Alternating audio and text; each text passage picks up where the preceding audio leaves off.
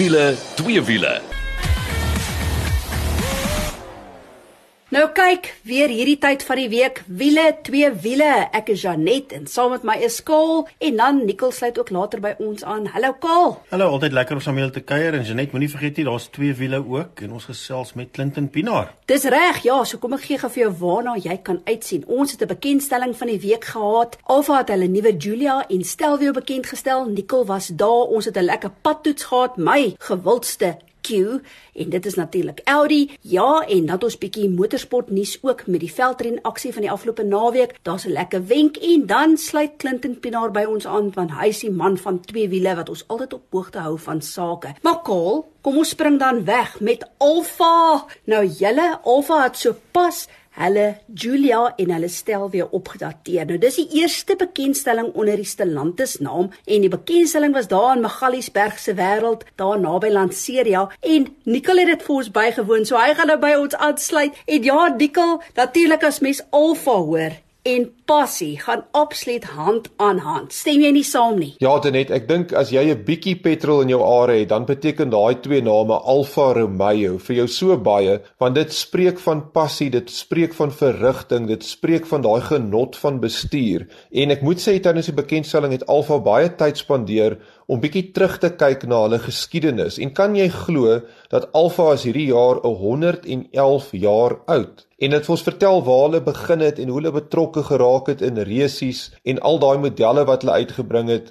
En uh, ons weet dat so 10 jaar terug was daar 'n besluit onder die bestuur gewees om weer die passie vir goed in Alfa Romeo terug te bring met die ontwikkeling van die Giulia en veral die Giulia QV die daai warm ene en dan ook nou later die Stelvio en uh, dit is natuurlik ook die twee modelle wat ons die dag nou ervaar het. So Nico, wat het jy regtig gedink van daai uh, Giulia? So Karl, die Giulia is daai pragtige sedan. Kyk, jy kan jou oë nie van hom afhaal nie, veral met die nuwe kleurskemas wat hulle in uitkom. En uh, hulle het nou twee modelle om van te kies. Een is die Veloce, dit staan vir vinnig in Italiaans en dit het kom uit met 'n 2 liter turbo petrol enjin van 206 kW.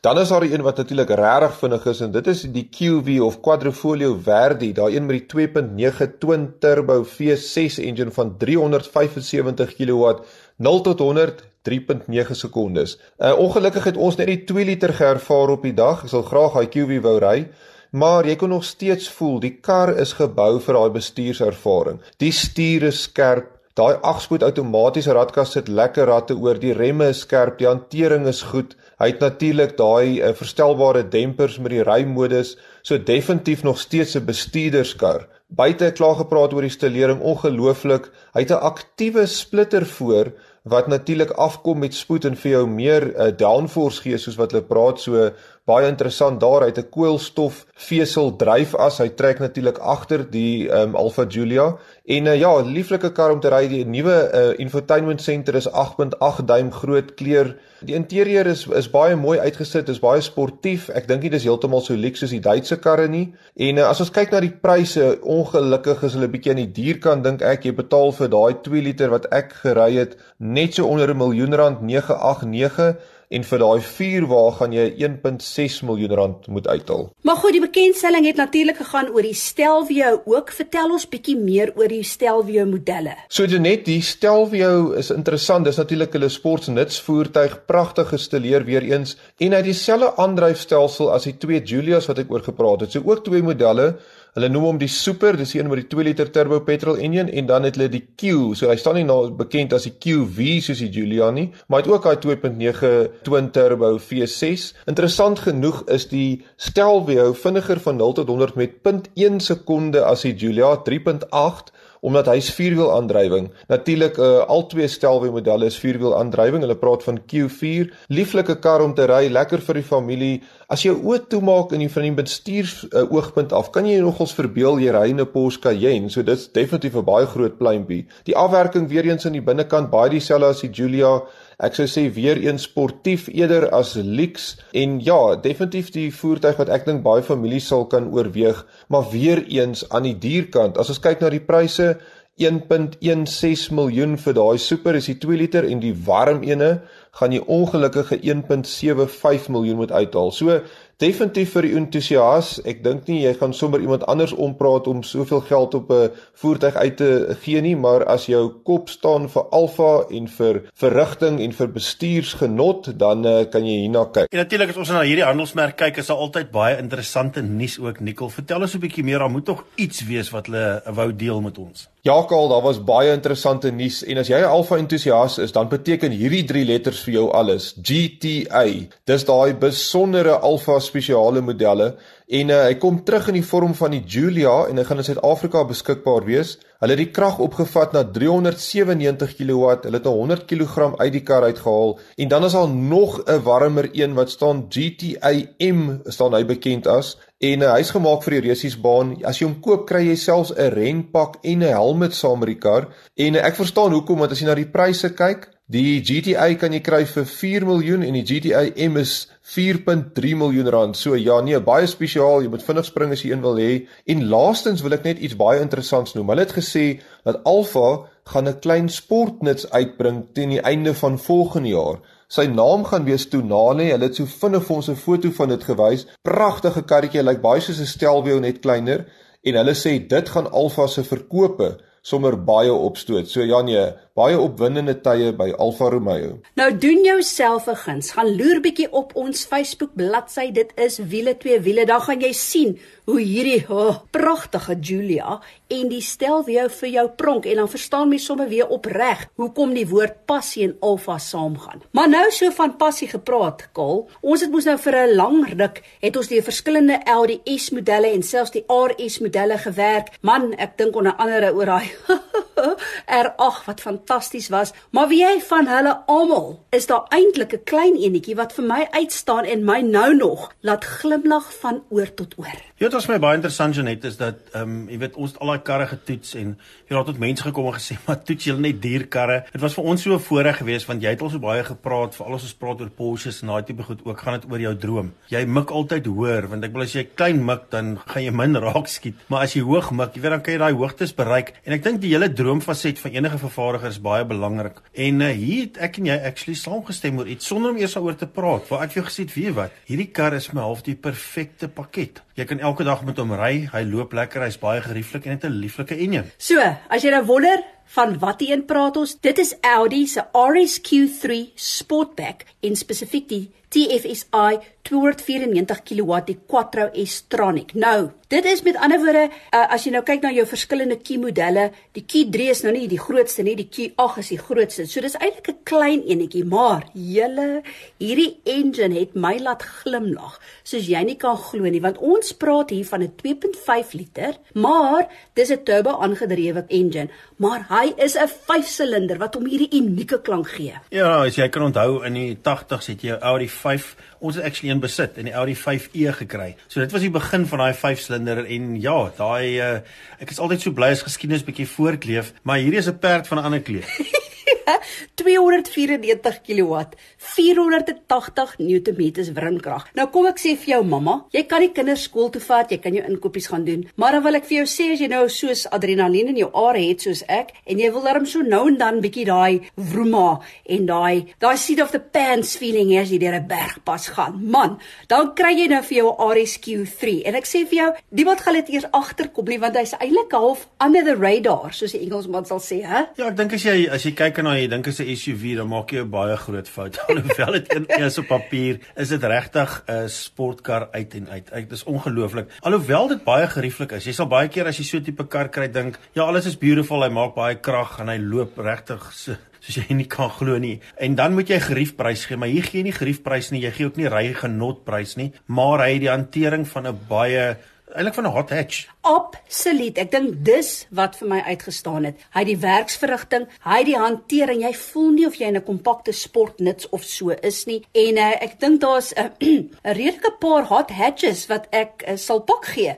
met hierdie RSQ3. Nee, ek sê vir jou, hy laat my regtig glimlag van oor tot oor. Natuurlik, daai alle wielaandrywing het baie daarmee te doen ook. Die een waarmee ons gery het is hierdie unieke grys kleur. Man, gaan loer net bietjie op ons Facebook bladsy wiele twee wiele, dan gaan jy sien sien hoe pronk hierdie Audi RSQ3 ook vir jou. Ja, prys is altyd 'n teersaak. Kaal, ek gaan vir jou sê dat die basisprys van hierdie reeks begin by 1.1 miljoen. Die een waarmee ons spesifiek gery het, het 'n klomp ekstra op wat eintlik al jy moet hê en die een waarmee ons gery het was 1.318 miljoen. Maar ja, baie duur, maar ai man, sit daar 'n glimlag op 'n mens se gesig. Ja nee, ou kan droom. Jy moet droom, jy moenie ophou droom nie. Ek wil kyk dink hoe saai die lewe gaan wees as ons almal net 'n uh, klein ou goedjies moet ry. of wel baie keer is dit jou skuld nie, maar hy hou aan droom en en weet dis dis amper soos 'n strandhuis. Verstaan? Almal wil graag een hê en as jy nie streef na een nie, gaan jy nooit een hê nie. So, ja. Ja. So ons wil eintlik net sê droom saam met ons. So van drome gepraat, wil ek net vinnig noem. Laasweek het ons mos nou gepraat van die 2022 Dakar en Toyota Gazoo Racing wat hulle nuwe Hilux bakkie bekend gestel het en ook natuurlik hulle span vir die 2022 Dakar. Nou die afgelope naweek was die nasionale veldren kampioenskap ronde 4 en 5 wat hulle die 4x4 Mega World 400 genoem het. Nou ek was nie daar nie, maar Waldo van der Wil was daar en ek wou by hom hoor, hoorie, maar hoe het dit gegaan met hierdie nuwe Hilux bakkie want ek weet die Hilux was daar om te toets, maar ook hoe het dit gegaan oor die algemeen met die Toyota Gazoo Racing South Africa en die kampioenskap. Kom ons hoor gou. Die 4x4 Mega World 400 was nie net rondes 4 en 5 van die South African Cross Country Series of dan nou SACCS nie, maar dit was ook die volgende geleentheid vir die TGRSA Toyota Gazoo Racing South Africa span om 'n splinte nuwe nou wag hiervoor GR DKR Hilux T1 Plus op die proef te gaan stel. Kom ons noem hom maar net liewer die, nuwe Hilux vir kort. So die nuwe Hilux soos julle weet is onlangs getoets in Namibië waar uh, Nasser Alatia, Janiel de Villiers en Henk later gaan elkeen die geleentheid gekry het om die nuwe motor behoorlik deur sy passies te sit. En dit terwyl die spanbaas en die tegnisie wat saam met hom werk alles gedoen het om die nuwe veringstelsel verder te verfyn en die beste uit die motor uit te probeer put. Maar dit was net 'n 'n toetsessie of eerder nie net nie, maar dit was 'n toetsessie en dit verskil altyd van 'n resies. So die toetsessie wat in die duine plaasgevind het, het hulle die geleentheid gegee om om die motor te te toets en op te stel vir Dakar, maar daar's natuurlik nog baie werk wat gedoen moet word, soos om die motor te kry om beter in te draai of om beter te spring en so en dit is nie spesifiek die geval nie, maar dis maar die goed waar die span altyd werk. En ons min plekke waar mense die geleentheid kry om 'n motor werklik te toets soos in 'n wedren. So met spesiale toestemming van die SACCS af kon die Toyota Gazoo Racing span die nuwe Hilux van hulle inskryf by die 4x4 Mega World 400 wat nou die afgelope naweek by Botawil plaasgevind het in die Vrystaat. Die hoofkwartier was by Nampo Park gewees en die man agter die stokke was niemand anders nie as ons eie Janiel De Villiers. Nou Janiel interessant genoeg was voor in die kampioenskap gewees tot nou net. Basies net met die begin van hierdie ronde. Na 3 rondes na die Woestynwedren was Janiel die man wat bo aan die punteleer gestaan het met sy navigator Dennis Murphy wat in tweede plek was in die produksie kategorie. Maar die twee het besluit om hulle kampioenskap hoop op te gee in ruil daarvoor om die nuwe motor verder te kan toets en ontwikkel. Nou, die amptelike nuus is natuurlik nie heeltemal so amptelik nie, maar die feit van die saak is dat Janiel het die motor van die begin af help opstel en hy is natuurlik 'n baie goeie ontwikkelingsrenjaer en hy weet hoe om motors op te stel vir die Dakar wedren. So absoluut sin gemaak dat hy die ou agter die stokke is. Maar wat nou vir die kampioenskap? Wel, Henk later gaan is natuurlik 'n dubbel verdedigende kampioen en um, alhoewel hy die eerste ronde van die seisoen gemis het, het Toyota nie eers daaroor gehuiwer om hom agter die stuur van 'n 'n normale klas FIA Toyota te sit waarmee hy dan nog steeds kan punte wen vir die kampioenskap nie. En dit het hy dan ook gedoen. Hy het Vrydag se wedren wat ronde 4 van die kampioenskap was, het hy heeltemal gewen, maksimum punte aangeteken en uh, Saterdag het hy weer maksimum punte aangeteken behalwe daar was 'n 2 minute time penalty wat hy gekry het nadat hulle een van die onderdele van die motor moes vervang en dit 'n klein bietjie langer gevat het as verwag en as gevolg daarvan het hy in derde plek opgeëindig. Wat wel beteken dat hy nou die voortou van die kampioenskap geneem het. So wat die kampioenskap betref en wat Toyota betref, is Henk die man om te klop en is hy darm nou voor in die kampioenskap. Wat die nuwe Hilux betref, het Janelle baie baie goeie toetsessie gehad. Sy tye alhoewel hulle nie amptelik was nie, was hoogs kompeterend en dit terwyl hulle nog steeds besig was om aan die veringstelsel en die stuurstelsels en verskeie ander dinge aan die motor te werk en te ontwikkel. So in totaal was dit vir Toyota 'n absoluut fantastiese naweek in die vlaktes van die Vrystaat. Nou ja, as jy net al het jy Niels se uitslag nie getel nie, moet ek sê ek nog steeds baie opgewonde oor hy nuwe Hilux, maar uh, baie geluk aan Henk later gaan wat nou ook die voorloper is in hierdie reeks. So kom ons hou dit dop en uh, ja, trots Suid-Afrikaans. Dis nou eers tyd vir 'n bietjie asem skep. Dan is ons terug met 'n wenk saam met Nicole en dan ook twee wiele aksie saam met Clinton Pinaar van Katie en Parel. Ons is nou weer terug.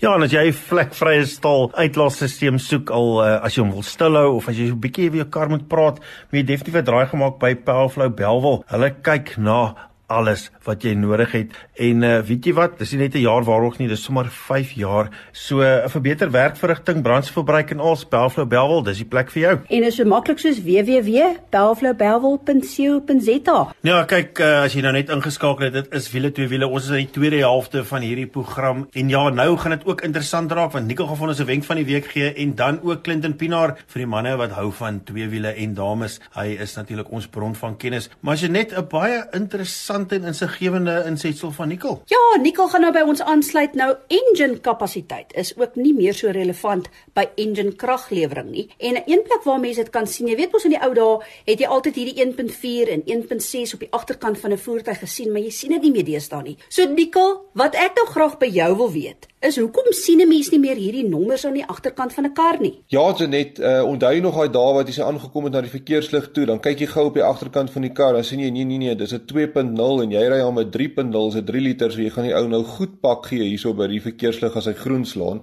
Vandag is dit nie meer so maklik nie en die rede daarvoor is dat ons kry nou baie meer turbo aangejaagde engines. En met 'n turbo aangejaagde engine kan jy in sekere opsigte selfs meer krag uithaal uit 'n klein enjintjie as 'n groter engine wat naturally aspirated is. En die rede daarvoor is dat 'n turbo aanjaag natuurlik die inlaat lug se druk verhoog. Dit forceer meer lug in die ontbrandingsruimte in. En uh, as daar meer lug is, is daar meer suurstof, dan kan jy meer brandstof inspuit en jy kan dan meer krag uit daai enjin uitkry. So daarom het turbo engines alles verander dat enjin kapasiteit nie meer so groot rol speel as dit kom by die maksimum kraglewering nie. Maar Nico, gee vir ons so 'n bietjie 'n idee van klein engines in die verlede, wat hulle werksverrigting was en wat jy van 'n nuwe een kan verwag met die hulp van 'n turbo aanjaer tegnologie. Kaal, ek wil jou 'n bietjie terugvat na die jare 90s toe. Onthou jy nog die Toyota Corolla cam, daai een met daai 4A GE enjin. Kyk, daai ding was warm vir sy tyd. Naturally aspirated, hy kon ref tot hierso oor die 7.500 revolusies per minuut. En weet jy wat was sy maksimum kraglewering? 89 kW. Nou spring ons tot 2021 Jy het 'n Toyota Yaris GR met 'n selle 1.6 liter kapasiteit enjin en 'n turbo aangejaag. Nou sit jy met 198 kW uit dieselfde 1.6 kapasiteit enjin. Natuurlik nou is dit 3 silinder, die ander is 'n 4 silinder, heeltemal ander hardeware, maar die kapasiteit is dieselfde. So daar is nou vir jou 'n goeie voorbeeld wat het turbos gedoen aan die maksimum kraglewering van enjins. Nou goed, ons nou hou by daai 1.6 liter engine en jy sit nou turbos by, is my vraag, wat is die maksimale krag wat jy dan uit so 'n engine uit kan kry? So net, ehm um, as ons kyk na die huidige Formule 1 karre daar buite, hulle het almal ook 1.6 liters V6 uh, turbo engines en sal jy dit glo dat hulle in die omgewing van 700 kW lewer. So dit wys net vir jou wat kan jy doen met 'n turbo aangejaagde enjin. Natuurlik het die moderne Formule 1 karre ook nou daai soos 'n hibriede stelsel wat hulle ook van die kinetiese energie en elektriese energie omsit en dan ook kan gebruik. Dis sommer 'n ekstra 120 kW bo op die 700 kW. So dit verduidelik hoekom 'n Formule 1 kar so vinnig is. Maar ja, net om saam te vat, Die enjin kapasiteit speel nie meer so groot rol as dit kom by maksimum kraglewering nie omdat die meeste moderne enjins nou turbo aangejaagd is. Nou toe, dis wat ons wenk van die week betref. Dit wys jou net turbos is die manier om te gaan. Maar nou is dit tyd vir twee wiele. En soos ons vroeër gesê het, ons man wat alles weet van twee wiele is meneer Clinton Pinaar en hy gaan ons bietjie op hoogte hou weer van sake. Hallo Clinton. Ag man, lekker dat jy weer hier by ons kan aansluit. Hallo Cole, hallo Janet. Ja, is lekker om weer hier by julle te wees. Ek dink die eerste ding wat ek by jou wil weet, jy weet mos presies wat aangaan in die wêreld van twee wiele.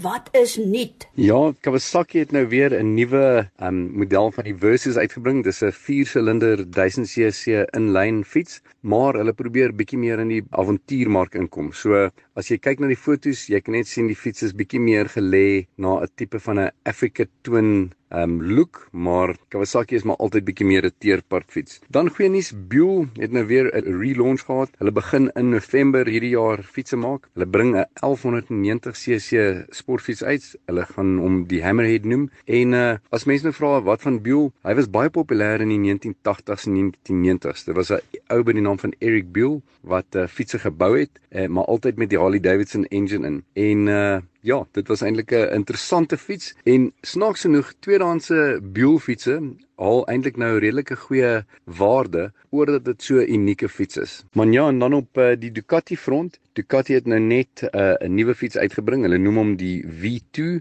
Dit was altyd 'n 950cc multistrade, maar nou is sy nuwe naam V2. Dis dieselfde engine wat hulle gebruik in die Panigale V2 en in die Monster. Dis 'n 937cc V-twin wat eintlik tipies Ducati is en Ducati sê hy's daar om saam met die V4 uh, in die mark te wees. Dis net om vir 'n bietjie van 'n 'n meer prysensitiewe persoon ook aanloklik te wees dat jy ook in die Ducati brand kan inklim. Nou klein en dan is daar ook interessante nuus in die Triumph wêreld. Vertel vir ons 'n bietjie meer. Maar ja, daar's twee goed op die Triumph modelle. Hulle is besig om te hint na 'n uh, of te skimp na 'n 660 cc sport Tiger wat nou baie kleiner en ligter fiets gaan wees en wat ook vir ouer en jonger mense aantreklik gaan wees. Maar dan goeie nuus, met die ehm um, 1200cc Tiger kopie hulle nou die die 900 Tiger se firing order wat die T-plane crank is. En wat dit is, dit gee net vir die fiets 'n baie groter karakter. Jy weet, so dit is goeie nuus en daai Triumph gaan voor die einde van die jaar al hier sou wees. Ek weet nie van jou nie, maar mense wil aan die een kant nie eers daaroor praat nie, maar die feit is elektriese motorfietsse kom, net soos wat elektriese voertuie kom. Maar daar's ook heelwat nuus aan die elektriese front. Vertel 'n bietjie vir ons, Clinton. Maar ja, daar's altyd nou ietsie met die elektriese motorfietsse. Seat wat eintlik 'n karvervaardiger is, is nou besig om 'n elektriese skooter te maak wat vir mass mobility gaan wees. Ehm um, hulle gaan die fiets laat val. Kyk, daar's nou nie 'n CC kapasiteit wat jy kan noem nie, maar dit gaan omtrent in die 125 CC mark. As mense dit so kan vergelyk,